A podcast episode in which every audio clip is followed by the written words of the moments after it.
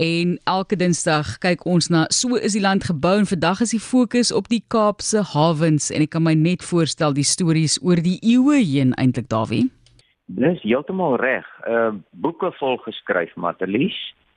Nou ja, in die Kaap is oor al die eeue natuurlik in die nuus gewees vir baie redes, maar natuurlik die meeste van hierdie dinge het met die see te doen gehad en dis nie om dowe neute dat daar twee uiteenlopende name vir die Kaap is nie, naamlik Kaap te Goeie Hoop en Kaap van Storms.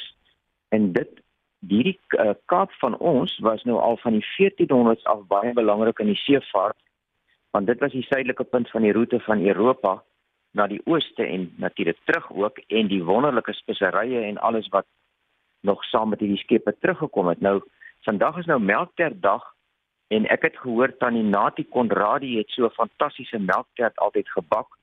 Nou die kaneel wat op daardie melktert kom, het natuurlik oorspronklik uit die ooste gekom. So is dit nou nie wonderlik dat 'n mens die goed kan inwerk.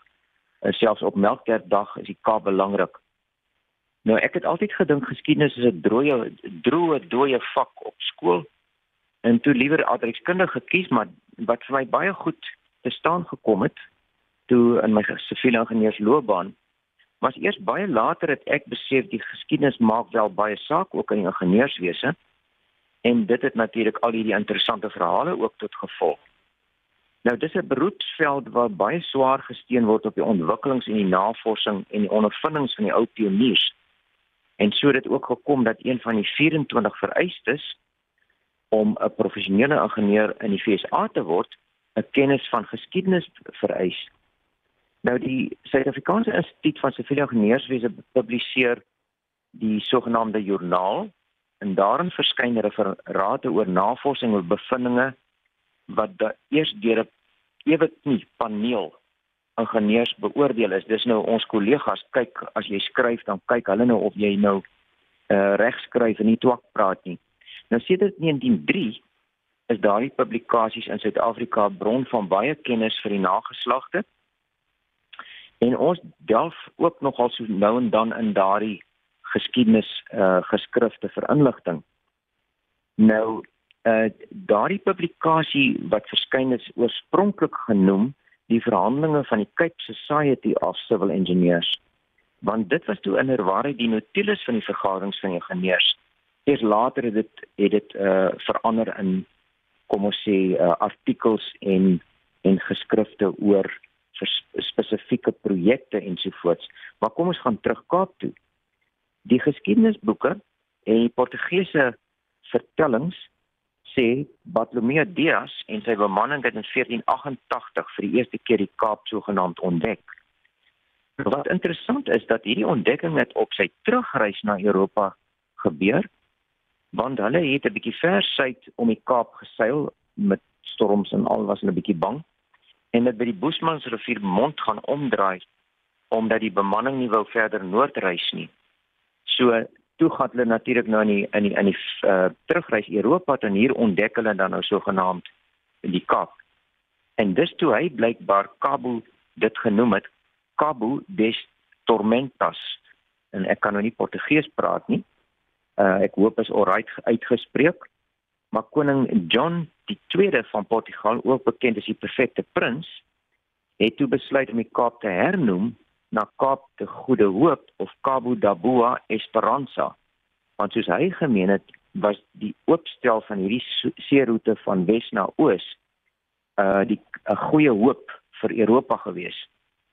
Nou die veelbewoë geskiedenis van die Kaap beslaan natuurlik volumes en koloniale magte het meegeding om die handelsroetes te oorheers en so die Nederlanders dan besluit dat die Kaap 'n goeie plek is om vars voorrade op te laai.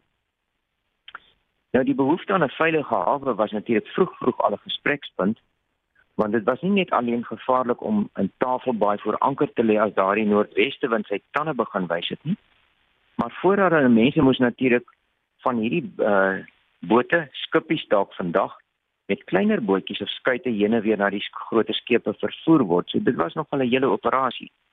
So Jan van Riebeeck het toe reeds in 1654 'n hawe hoof of jetty gebou om die kleiner bootjies te bedien.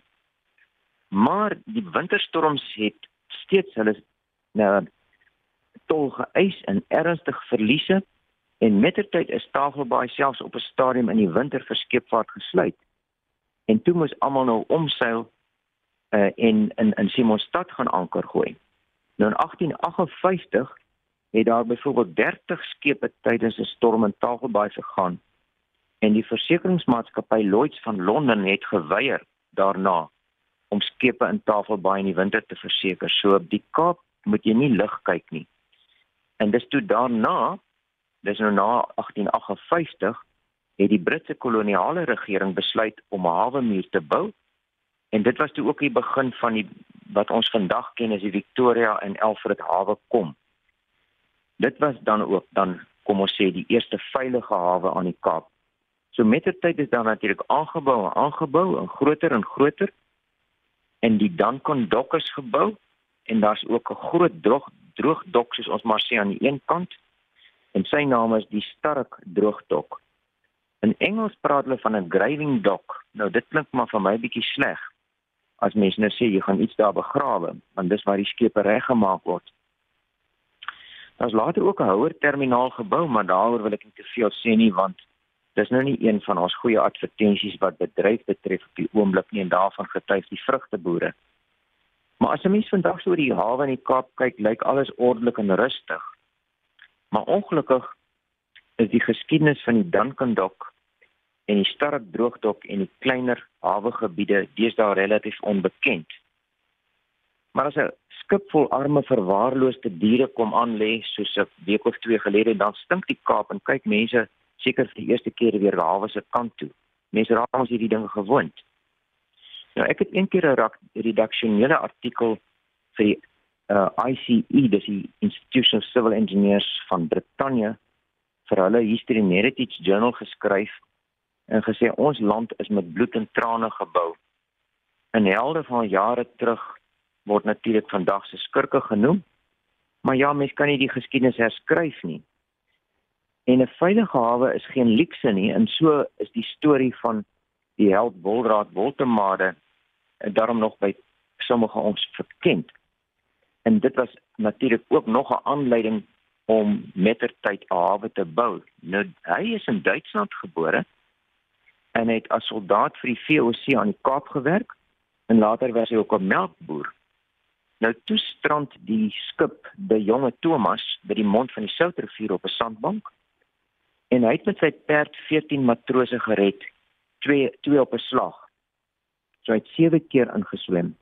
Maar toe die skip opbreek, het te veel matrose aan die perd vasgeklou en het saam met die redder en die perd perd verdrink. En van die 191 mense aan boord van daardie skip het slegs 53 oorleef. Dit bewys maar net vir 'n mens 'n hawe was dringend nodig aan die Kaap. Nou net so 'n laaste bietjie oor die ingenieurswese uitdagings as jy hawens bou. Nou voor die tyd van beton was hout baie gewild om 'n hawehoof te bou. Maar nou kry mense in die see ook uh, allerlei goggas wat boor in die hout en later het beton natuurlik begin oorneem. En toe moet hulle nou natuurlik ontdek dat seewater en beton nie goeie maats is nie. Spesiale mengsels om verwering teen te werk moes toe uitgevind word. En vandag word hoogaan hoogoond afvalprodukte bekend as slakke bygevoeg want dit help om die sulfate en die klorides van die seewater se vetende werking te verminder. Die verhaal van hoe die stad droogdok gebou is, is in detail opgeteken in daardie verhandelinge wat ek nou-nou oor gepraat het. En net so 'n paar feite. Nou daardie tyd, dit was in die Tweede Wêreldoorlog se se jare, was daar 'n wêreldwyde behoefte aan aan so 'n fasiliteit en dit is destyds gesamentlik deur die Unie van Suid-Afrika en Brittanje gefinansier. Dit is grootendeels in Brittanje ontwerp, maar is deur Suid-Afrikaanse maatskappye gebou en dit sê heelwat van die ingenieursvernuf en die vermoë wat toe aan in Suid-Afrika gevestig was. Nou ehm um, ek hoop op 'n later stadium bietjie van die name te noem van ons luisteraars sal seker van die kontrakteursfirmas onthou. Nou in 1945 is die droogdok toe geopen en vernoem na die minister van vervoer van die tyd, sy edele meneer Starok. Nou ja, daar's maar min van hierdie goed na ingenieurs vernoem en nie. dis gewone politici wat vernoem word en hulle is nie altyd na die tyd so gewild nie. Maar ja, in 'n verder praatjies en ons dalk verder delf en meer besonderhede van hierdie geskiedkundige projekte soos die hawens in die Kaap en natuurlik elders. En dit wys maar net ons land is nie net op land gebou nie, maar ingenieurs het ook hulle voete in die see gesit.